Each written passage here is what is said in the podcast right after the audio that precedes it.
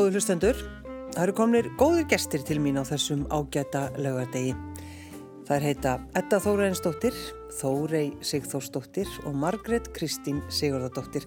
Velkomnir allar. Takk fyrir. Hvar kynntust þið? Það er góð spurning. Ég er náttúrulega búin að fylgjast með Þóreiu í leikhúsinu og bara ég sá hana held ég hennar fyrsta hlutverki, var það ekki í þrú reyðinar? Já, svona alltaf fyrsta hlutverk sem fjekk Já, já, í borgarleikúsinu mm -hmm. æðislega flott síningu þessi stelpa, hún, hún er flott og eftir að gera mikið og flotta hluti. Og það var ekki bara krullaðahárið það var líka, það voru hæfileikarnir. En, en hérna Möggustínu eh, heyrði ég bara í útvarpinu fyrst.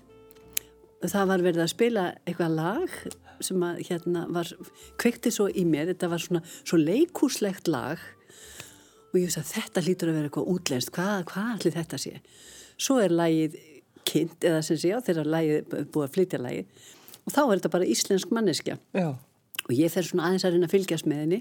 Einhver fabúla Já, einhver fabúla, það getur ekki verið neina íslensk en svo kom það nú í ljós. Svo bara liðu ég segi einhver ár, tvö, þrjú ár og ég var alltaf að hugsa mikið væri gaman og af hverju er ekki búið að gera fullt af tónlist eftir hanna í leikúsunum Svo hitti ég hann fyrir tilviljun og hérna og hugsaði mér best að ráðast á konuna Já. og segja bara, ert ekki til ég að koma í leikurs og vinna með okkur Já. og hún tók mjög ljúfmannlega í það og hér er hún Já, mm -hmm. hvað segir þú Magga Stína, hvar, hvar hittur þú þær? Sko við etta töluðum sannlega saman í fyrsta senn þarna já, já. hún kom málega við með varandi þetta og Þóri kynist ég líka í gegnum þetta verkefni. Já, já. Mm -hmm. Það er búin að reyndar að vera, eða, ég man alltaf náttúrulega eftir því sem tónlistakonni gegnum tíðina, svo var líka strákurðin, hann var hjá mér leiklist í Östabæðskóla. Ég reyndar já, já. þannig að við hefum kannski sérst það á labbi í kringum Östabæðskóla. Kynnumst núna. Já, já. Hvað er það sem að gerist þegar að maður les ljóð, heyrir einhver á tónlist, einhver svona, einhver, sko, hvernig maður upplifar hlutina? Ef að byrja bara kannski þetta á því að þegar þú leist ljóð eftir gerði kristni, hvað, það, hvað gerist í hjartanu? Já, þetta er nefnilega svolítið merkil hvernig, hvernig mannskeppnan meðtekur listina og ég hef stundum sagt sko að kveikmyndagerða maður, hann les kannski góða bók sem er svona daldi myndræn og hann er náttúrulega strax búin að setja bókina bara upp á kvítatjaldið í huganum mm -hmm. Og það sama gerðist eiginlega með þessi ljóðinar gerðar, sérstaklega með ljóðin hennar, að þegar ég fór að lesa þau og kynast þeim, að þá einhvern veginn sá ég þetta bara fyrir mér á sviði, því að hvert og eitt ljóð er svo myndrænt og svo um leið tímalust, en samt einhver svona seiður, forn seiður undir niðri, þannig að að smám saman þetta bara vatt upp á sig og, og áður ég vissi af þá var ég bara búin að búa til sögu úr ljóðunum hennar. Og ég hef svo að mér guð með góður, hún verður brjálið því að hún er náttúrulega svo mikil sögu kona og er búin að gefa út þrjár ljóðabækur sem eru bara, sko, hún er náttúrulega búin að gefa út mjög marga ljóðabækur en þrjár þeirra eru bara sögur frá upphæðu til enda eins og blóðhópnir og drápa og, og ég menna það er þannig að það, þetta er svona hennar hefur verið svolítið svona sérstatt fyrir hana. En e, þegar ég var búin að hérna leika mér að ég að búa til sögu úr þessum ljóðum sem eru ekki í ljóða sögubókonum en heldur allt annar staðar úr hinnum bókonum að þá hafði ég samband við hana og hún hérna, já, já, allt í lægi, já, kannski fá að heyra þetta. Svo kallaði ég allan hópin til og við lásum fyrir hana handritið og hún tók þessu bara mjög vel og sagði bara, gjöru þið svo vel, mér líst bara mjög vel á þetta. Mm. Og gaf mann að heyra þessar mismunandi rattir, flytja þessi mismunandi ljóð og hvernig þið, hvernig ykkur hefur tekist að tengja þetta í eina sögu. Mm.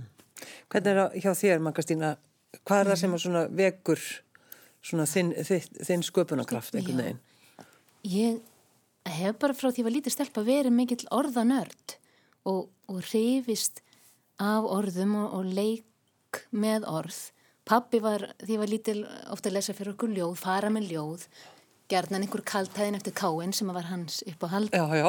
og, og romantísku sári, allskynsljóð og, og ég byrjaði með snemma að skrifa ljóð sjálf og sögur og uh, þegar uh, ég byrjaði að semja tónlist ári í laungu byrjaði að semja ljóð og sögur þannig að orðin kom alltaf á undan hmm.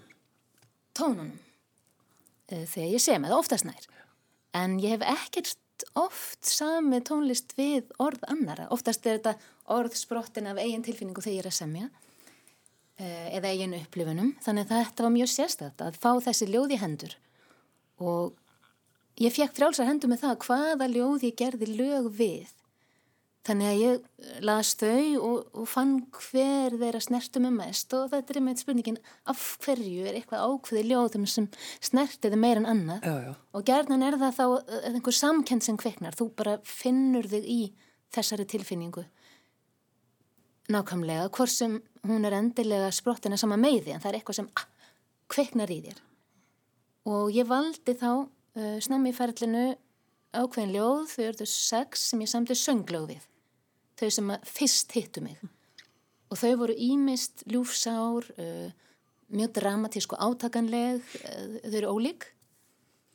Um, og svo með tímanu þegar við höfum verið að æfa þá hafa verið önnuljóð sem allt í ah já þetta. Og mér langar líka mm. sem en sko svo er bara ákveð mörgleg sungin í síninguna önnur hérna eru flutt og, og, en þau eru öll farin að hitta mig þessi ljóð og snerta ólíkan hátt Já. Mm. Þannig að þú átt kannski eftir að semja lög við öll þessi ljóð. Platan á eftir að koma. Já, Já. Þóri, hvað segir þú í sambandi við svona, hvað er það sem hefur áhrif á þig? Sko ég er bara alltaf með að hugsa um sko bara svona fyrstu kynni mín að ljóðum þannig bara mann ég eftir mér lesandi langa ljóðabalka fyrir mömmu sem að hún var svona hálf dottandi yfir. Daví Stefánsson Stefánsson? Já, þú veist, bara, þetta var sko patró þegar ég var fluttið það sko þegar ég var að vera 11 ára þannig að þetta var allt svona 9-10 ára eða eitthvað. Og bara fannst það svo gaman að bara lesa orðin og leika mér.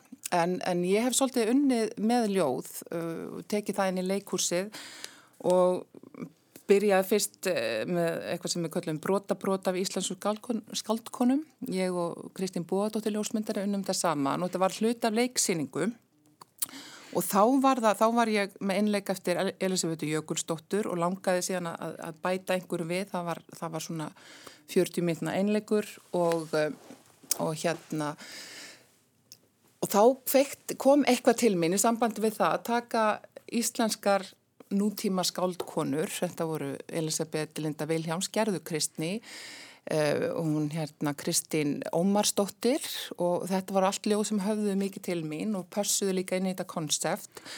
Og þá var það fættist að þannig að, að þetta var allt í kringum svona hvernig ljóð getur sprottið upp úr hverstaslegum aðtöfnum og, og hérna konar vaknar og fer með ljóð, hverju að leika sér í, eða taka saman badnadóti og það sprettur ljóð og, og svolítið. Svo þá var það tilfinningin svolítið bara þetta hvernig ljóðin verða til í hverstaslegum að, aðstæðum. Já, já, taka niður á stallinum og nálgast að þannig og, og það er náttúrulega bara svolítið svolítið svipaðir náttúrulega uh, núna komin í dansleikúsið, það er nú gammal draumur að ræta sjá mér.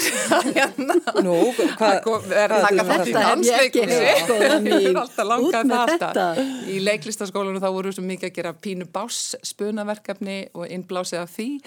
Og heyrðu, nú erum við komin í dansandi ljóð. Já. Það er með eitt ljóð sem við eigum saman þarna í síningunni og þú Þórið, það sem er með sungilag og svo, svo ferða út í í smá sóló. Dans, dans sóló.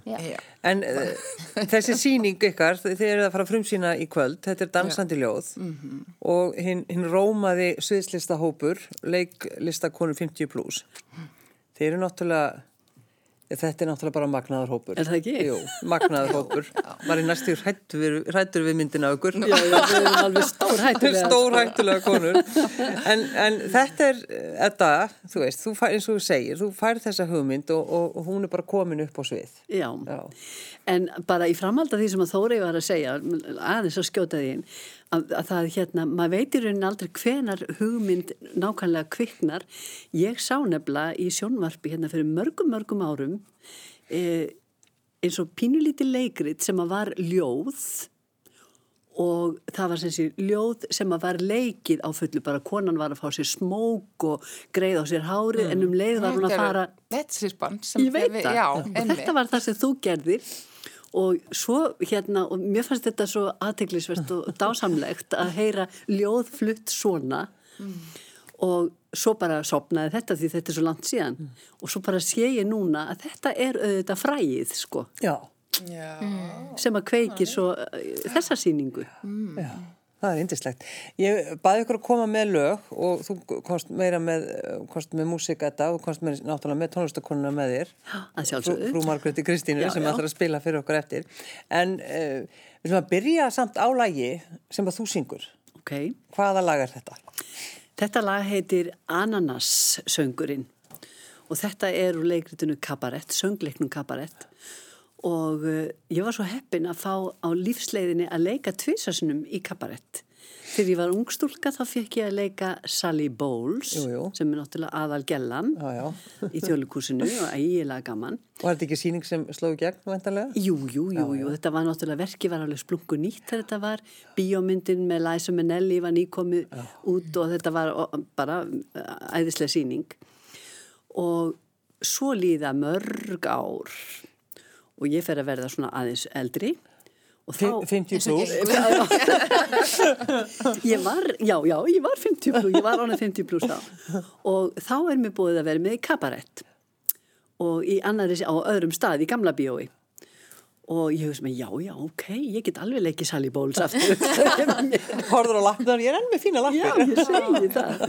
Nema þegar ég kem á fyrsta samleistu þá á ég náttúrulega að leika gömlu kettlinguna í leikindinu Fräulein Schneider. Já, Og þetta er úr þeirri síningu og kærastinn að móti mér, gamli gyðingurinn sem að var ávastasali, eh, það var náði Borgar Garðarsson til Finnlands til að leika það hlutverk.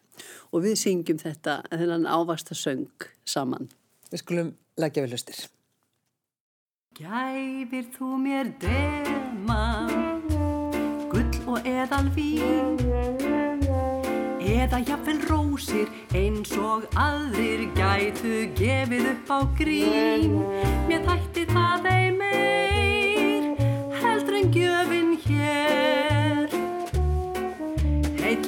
Heill ananas, handa mér.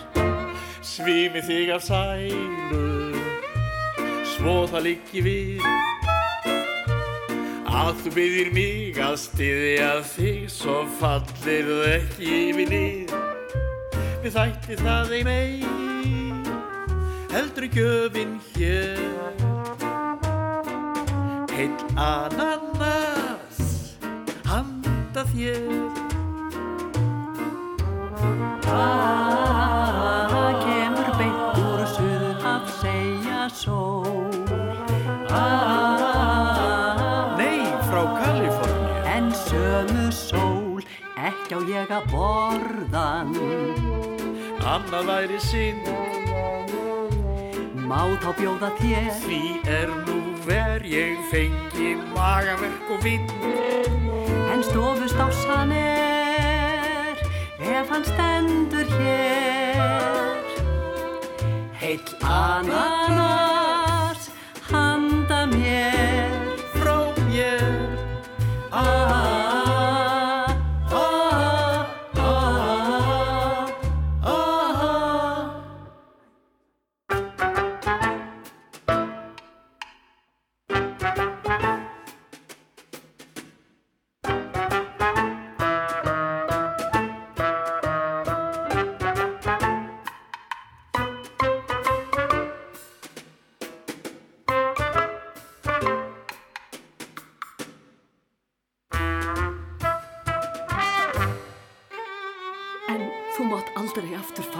ananas. Það er á engan hátt viðeigandi. Þetta er gjöf sem piltur myndi færa elskunni sinni. Ég er hreinlega róðna. En það er engin, engin í allri Berlín sem ætti fremur skilu að fá ananas en þú. Ef ég gæti, myndi ég fylla allar stofunar hjá þér af ananas. Heill ananas handa mér. Frá held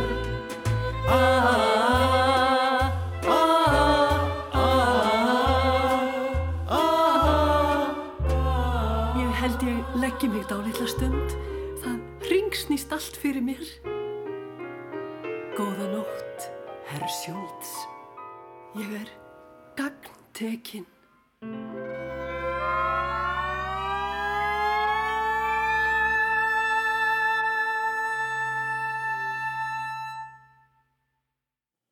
Borgar Garðarsson og Edda Þóraðinsdóttir, færði ekki, já þú brosir, Edda mín, þú hefur verið að hlusta á þetta lag. Dásamlegt að leika mótonum borgari. Því lík hlýja og bara dásemd. Já. Því miður býr maðurinn í Finnlandi þannig að það, maður hefur ekki tækifæri til þess að kippa honum upp á sviðið nema með mik mikl, miklum látum sko. Hvernig er það, sko, þínir draumar, Magastíni, í tónlistinni? Já. Hafa þeir allir ræst?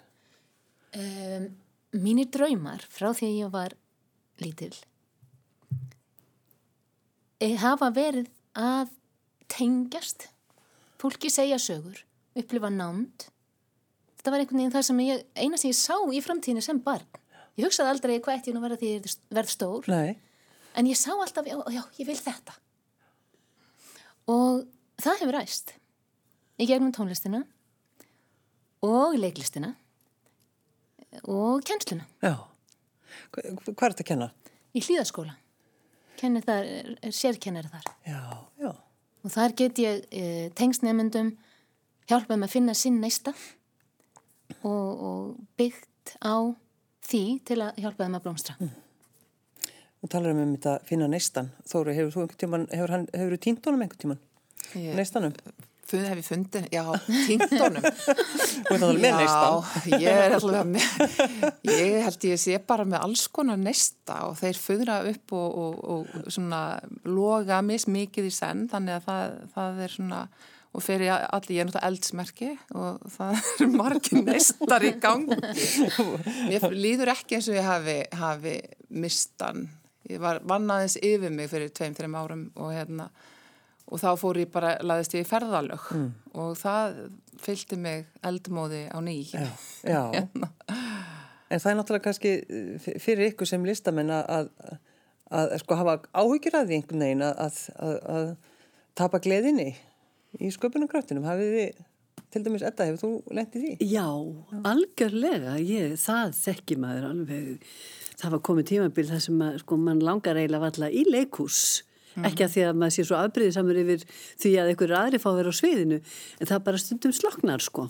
Svo kviknar aftur og þá er líka, jáfnvel bara, sko, bál algjört. Já. Og þá bara verðum að bæða að vera duglegur að fara og sjá góða síningar og helst að búa til eitthvað sjálfur. Já, já. En tækifærin eru náttúrulega ekkit voðalega mörg þegar maður er komin í þetta eins og ég segi leikús listakonu 50 plus sko hlutverkin liggja ekki alveg í röðum og býð okkar því miður af því þetta eru náttúrulega konur sem eru orðna 50 plus og hafa orðið mikla reynslu í leikúsinu eru listakonur eru þar að þau ekki konum með mikla lífsreynslu það er svo mikil synd að fá ekki að efniviður þarna. Já, þetta er svo mikil efni við þur að fá ekki að sjá þessar konur sko blómstra og, og hérna og brenna á sviðinu sko. Já. Ég fannst það með svo magna því ég kom inn í hópina því að ég verði að viðkynni að ég hafði pínur fordóma fyrirfram. Að, og er þetta bara konur, já, ok, og svona margar, já, ok. Því mér finnst oft gott að vinna með blöndum hópum og oft betra bara þessi blandaðir hópar en, uh, en þarna fann ég strax bara, já, ok, þetta verður þetta verður. Gaman og þetta verður flott. Þetta, sko, þetta, er, þetta eru svo ólíkir karakterar allar þessar konur, hver með sína fegur, sko, óbærslega ólík um, útgeislun og orka í þeim, en mér fannst strax svo spennandi að horfa á þær og, og, og sjá hvernig þær tjáðu og, hérna, og vinna með þeim. Já, Þannig að- já. Bara á fyrstu æfingunni þá hurfu þessir fordómar. Já, Þetta, heyrður þetta? já.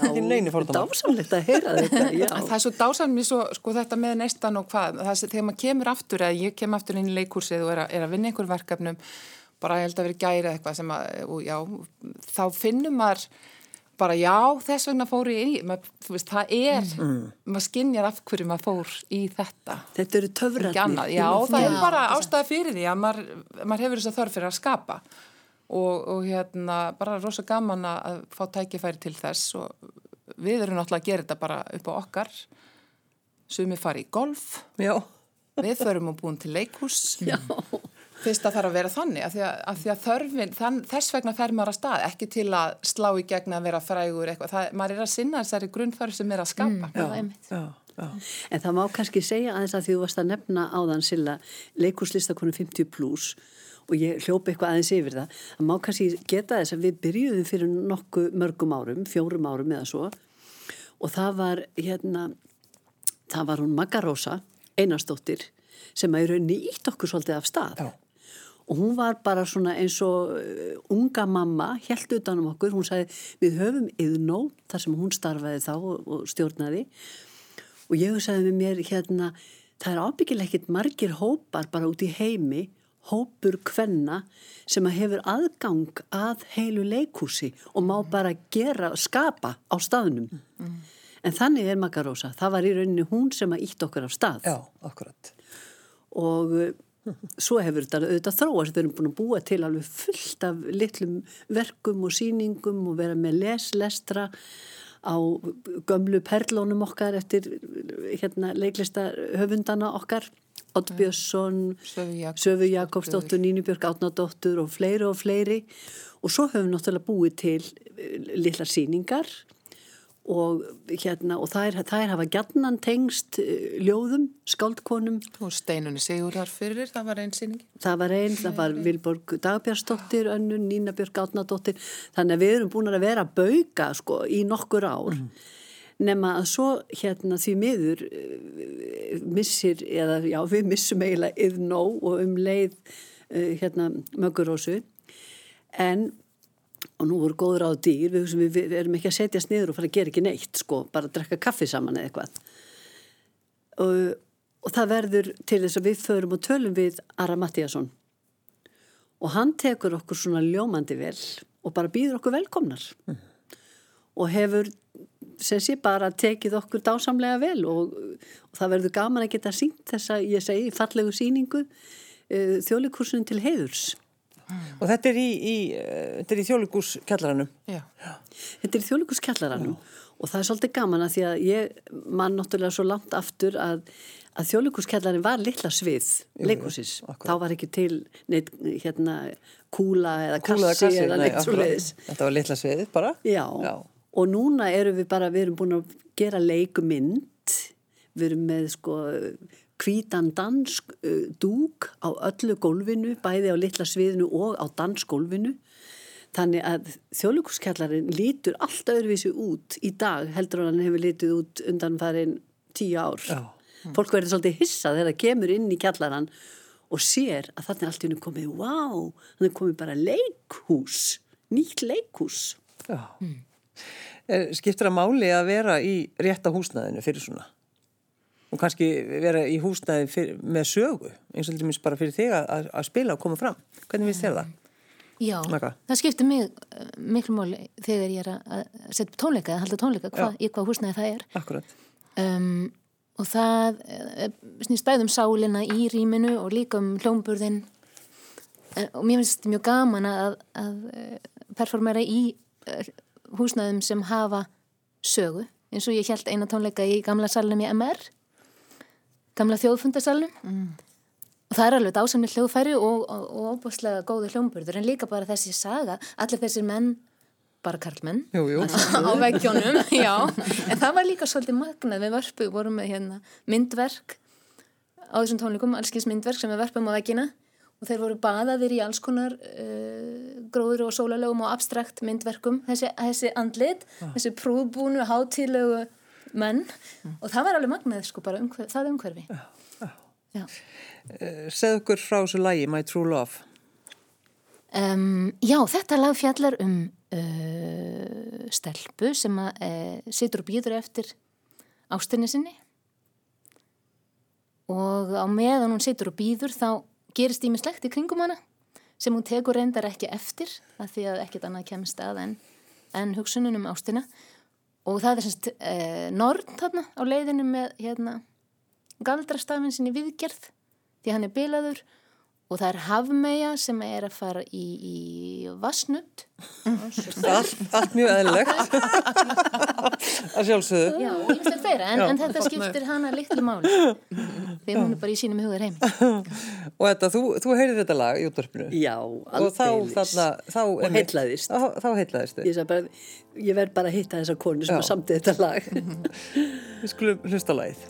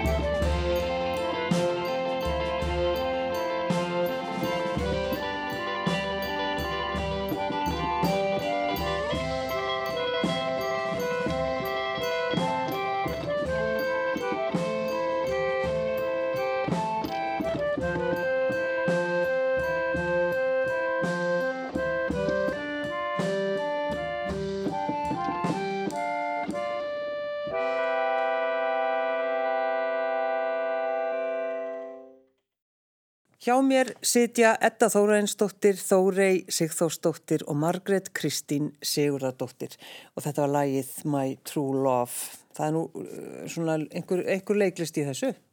Mm. Það var svolítið, má segja það. Það er Þú- mikil leiklist. Já, mikil leiklist. Og sirkus líka. Já, já, og sirkusinn, ekki það um slæmt.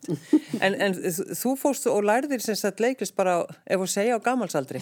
Nei, við skulum ekki segja Nei, við það ekki segja það. Hér, Á miðjumaldri Miðjumaldri, já, já. Þá fór ég bara til London og lærði við dramastúdíu á London og það var bara unaður að gera það Já. Og var þetta bara uh, gamall draumur? Var, þetta- var þetta einhver, Já. einhver þörf? rauninni s- hafði ég, ég hafði verið einhverjum söngleikjum sem tónlistakona og þegar ég gáði fyrstu blötunum mína þá var ég reyndar að læra leiklist í Noregi og þ- en fór einhvern veginn uh, tónlistarleiðina samt valdi hann að þetta er náttúrulega bara tvælir á sama pening þú, þeir langar að tjá, þeir langar að tólka þeir langar að skapa og, um, en tónlistin tóða þarna meira í mig og ég, snýri mér að henni. En mér langaði alltaf að, að gera meira og sérstaklega því ég hef búin að vera lengi uh, einirki eða sérst, með mínar mína tónlist, mína hljómsveit setjandi upp tónleika og skipulegja allt og, og satt oft við flíilin og eins og ég ger oft til ég flytt tónlistana mína þá vantaði mig meir og meir að nota allan kroppinn og, og nota mm. líka röddin ekki bara tónlist og tjá mig meira með öðrum í, í, og, og ekki bara heldur mínar tilfinningar heldur eitthvað annað Senst, eiga ekki að bera ábyrð bera ekki alltaf ábyrð á því sem ég var að segja mm. skilur þau tjá Það frelsi. Já, já, það það frelsi, já, já. Það er frelsi, það er nú svolítið gott. Já, þetta er náttúrulega ótrúlegt.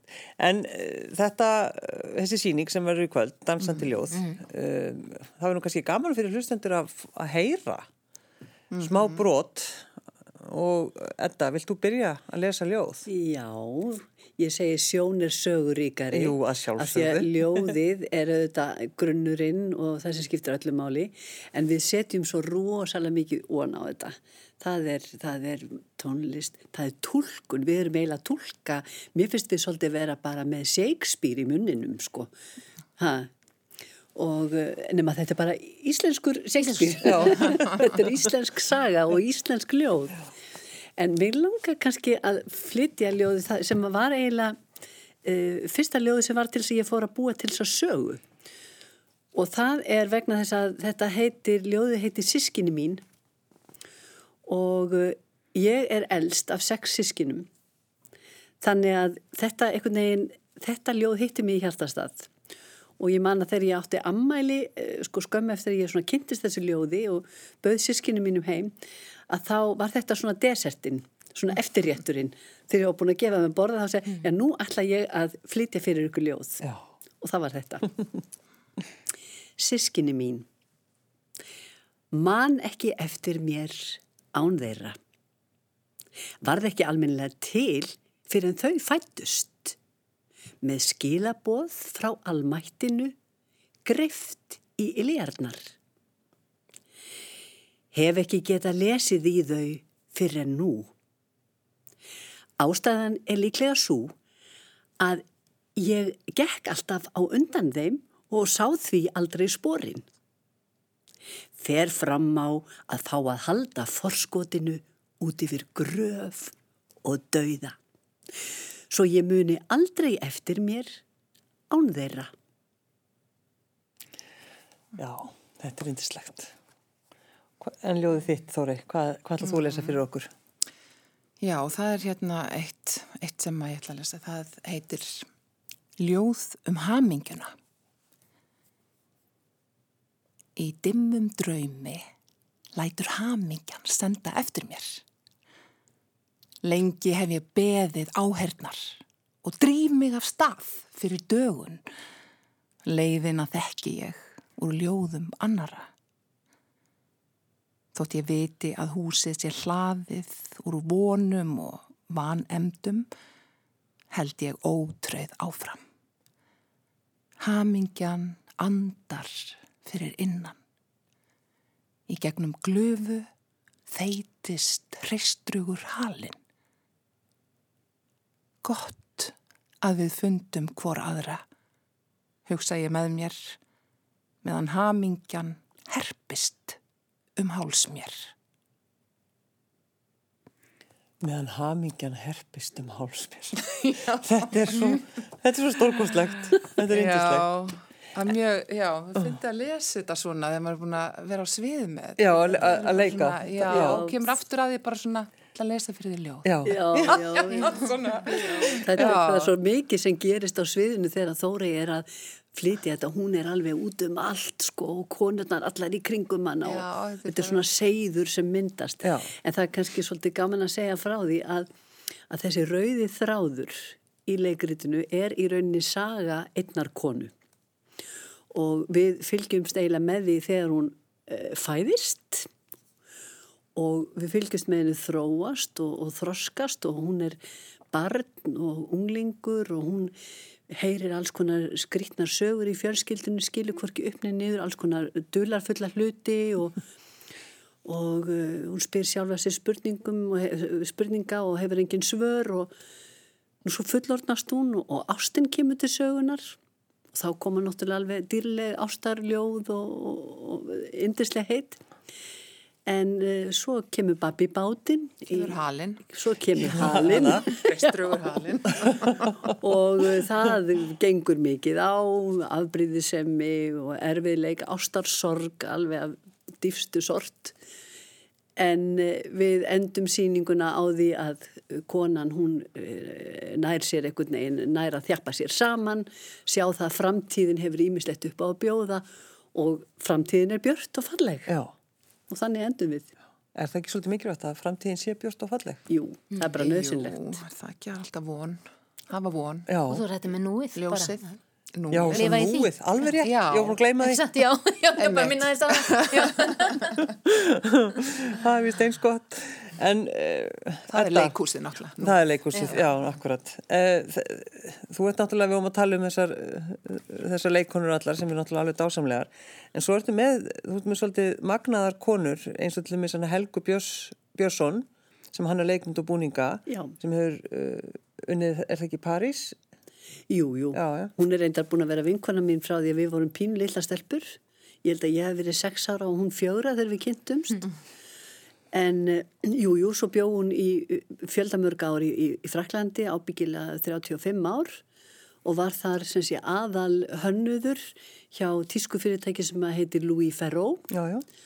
og uh, gerði ótrúlega flotta hluti þar, náttúrulega. Uh, en hún var alltaf í miklum tengslum við Ísland og við leikús. Var, gerði síningar fyrir þjóðleikúsið og, og allt mögulegt og svo bara ákvað hún að, að flytja til Íslands og hefur gert hér leikmynd og búninga síðan hún fekk mér þessa grímuna fyrir nokkrum árum, fyrir búningar sem hún gerði fyrir þjóðleikúsið í hérna, Íslandsklukkuna. Þannig að það er náttúrulega dásanlegt að, að, fá að starfa með henni og hún gerir sé bæði búningana og leikmyndina. Mm. Og svo er það það er nú margir sem að muna eftir Ingi Björgu Björnsdóttur og Aldeilis. Ástísi Magnúsdóttur. Já. Ástís Magnúsdóttir var náttúrulega bara ballerínan, það var, það var nú bara ekkert annað en það og Ingi Björg náttúrulega uh, kendi. Já, Ingi Björg náttúrulega starfaði lengi í þjóðleikursun sem dansari Jú, jú. og það er báðar og uh, það er náttúrulega uh, alveg meiri háttar að fá þessar konur sem að hérna voru alveg tipp-topp dansarar og hafa líka samið svo mikið bæði fyrir leikhús og allt mögulegt og, og þannig að, að fá þær báðar til liðs við okkur var náttúrulega bara algjört happ.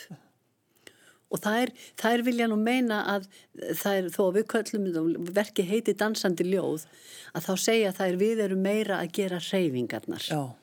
Já, við erum náttúrulega ekki alveg að þetta er ekki nei, þær eru ekki á táskóm sko, Nei. leikonurnar Það er alveg magnað að standa með Ástís í gær stóðum aðeins á stóra sviðinu. Vorum að spjalla saman, hún var einmitt að segja mig frá öllum árunum sínum í þjóðlíkusinu því hún byrjaði þarna bara 14 ára Já, já.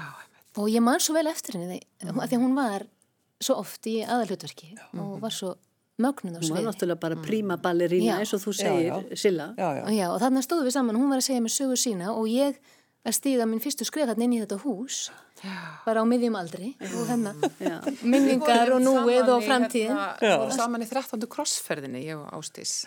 Já, Og vorum þar saman einhverjum senum, sko.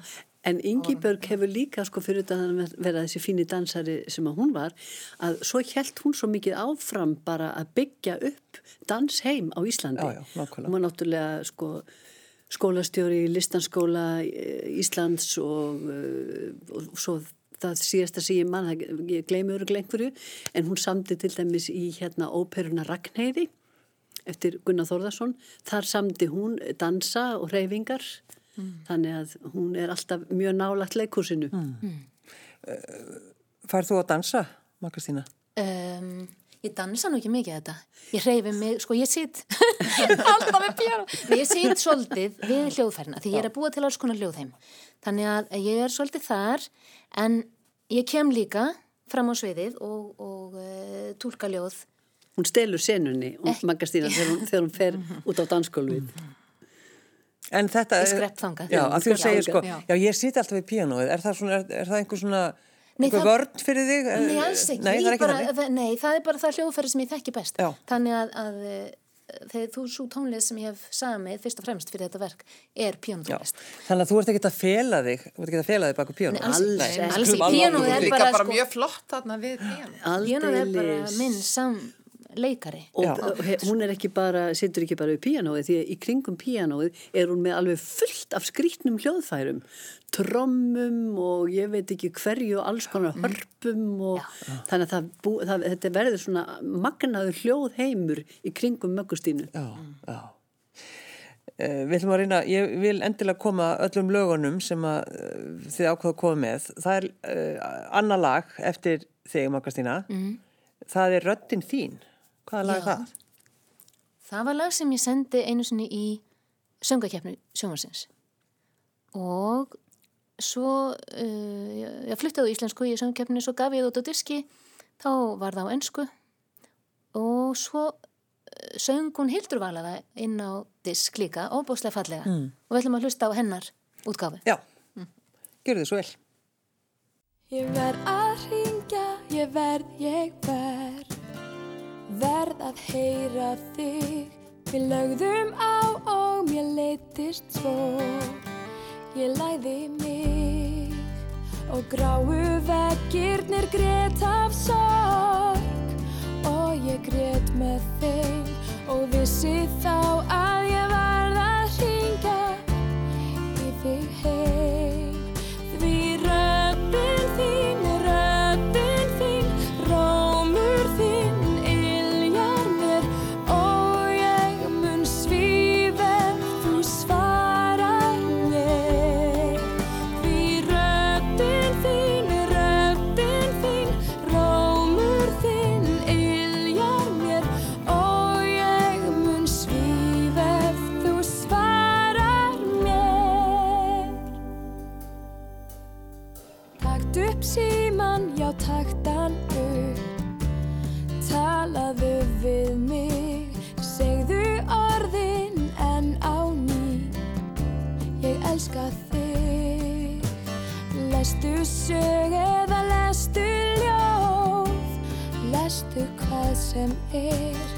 Jafnvel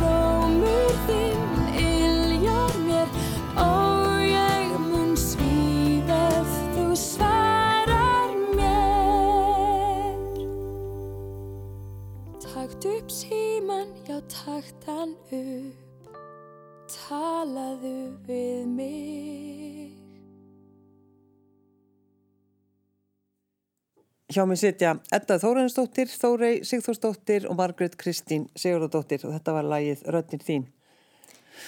Já, þetta lag samt ég á ennsku reyndar og viðlagið er á ennsku uh, just, that you, uh, ju- just that your voice makes me fly. I get warm, I get high.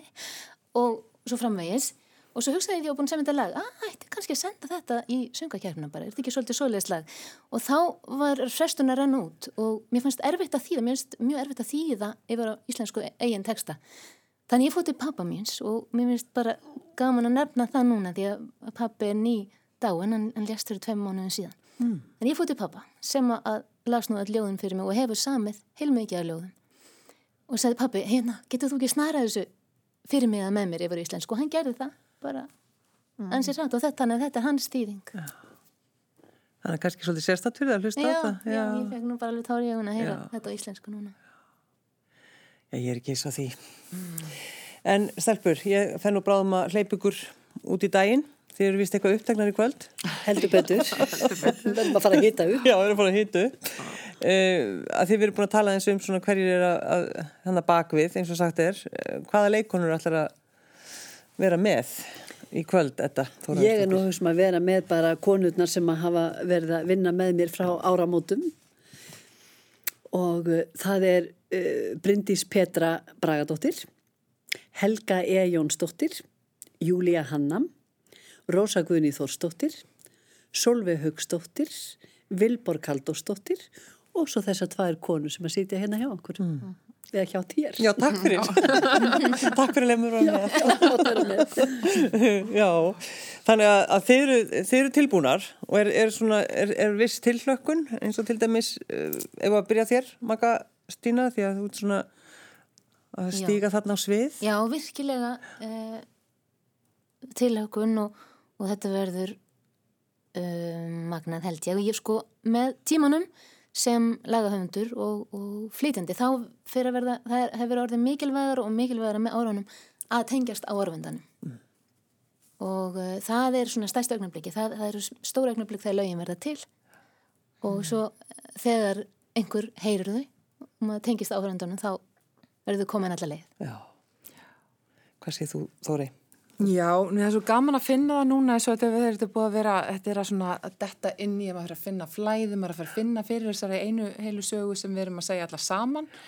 Þannig gaman þegar höfundur kom og, og satt út í sal og hún var mjög spennt, bara hvað kæmi næst og, og einhvern veginn uppliði það, þetta væri sag og hún var svona forvitin að vita hvað tæki við og, og svo framvegs kom snemma því að hún er eh, í New York á frumsýningadag en ætlaði alltaf að koma á síningu en það var mjög gaman að finna þetta hvernig þetta hafði áhrif á hana og líka bara að finna þetta, þetta er að vera síning og það er mjög gaman að fara í gegn og gaman unun að vinna þennan texta og líka bara að finna þetta að vera með mm. þessum hópi hvenna sem við erum að, alla með okkar sögur mm. og þarna eigum við einhvern veginn eitthvað í öllum þessum sögum, mm. það eru snertifletir sem maður tengi við og, og ég bara hlakka mjög mikið til að, að, að leika í kveld. Já, er þetta ekki fegin þetta bara að fengi þessa hugmynd? Jú, ég veistu það að stundum ef ég hugsa hvað, hvaða brjálæði var já. þetta, hvers konar barnaskapur var að halda maður gæti gert þetta. Já, já. Þetta er ákaflega stort verkefni, þetta er miklu, miklu starra verkefni heldur ég sá nokkuð tíman fyrir mér en síningin verður líka stór og ég vona hún verði bara fjöður þjóðleikursins í Nappagatið og okkar allra. Því að hún er, sé, hún er stór og hún er mjög metnaðarfull. Það var eindislegt að fá okkur. Edda Þóruðinsdóttir, Þórei Sigþórsdóttir og Margret Kristín Sigurðardóttir. Eh, Magastína, þú ætlar að standa upp hér og lappað flíklinum og að, hvað er þetta sem að þú ætlar að, að spila fyrir okkur í lokin? Ég ætla að spila uh, og syngja lag sem er saman við ljóði Hljóðskraf. Eftirgerði? Eftirgerði Kristni Jössálsöðu og fyrst fara úr um skónum að ég það er betra að stíka pergalan. Já, ég hlust þetta góður, hún fór úr skónum. og uh, já, ég ætla bara að láta orðin, orð hennar tala. Já, gjör svo vel. Eins og mér sé sífælt Gengið fram hjá herbergi. Sem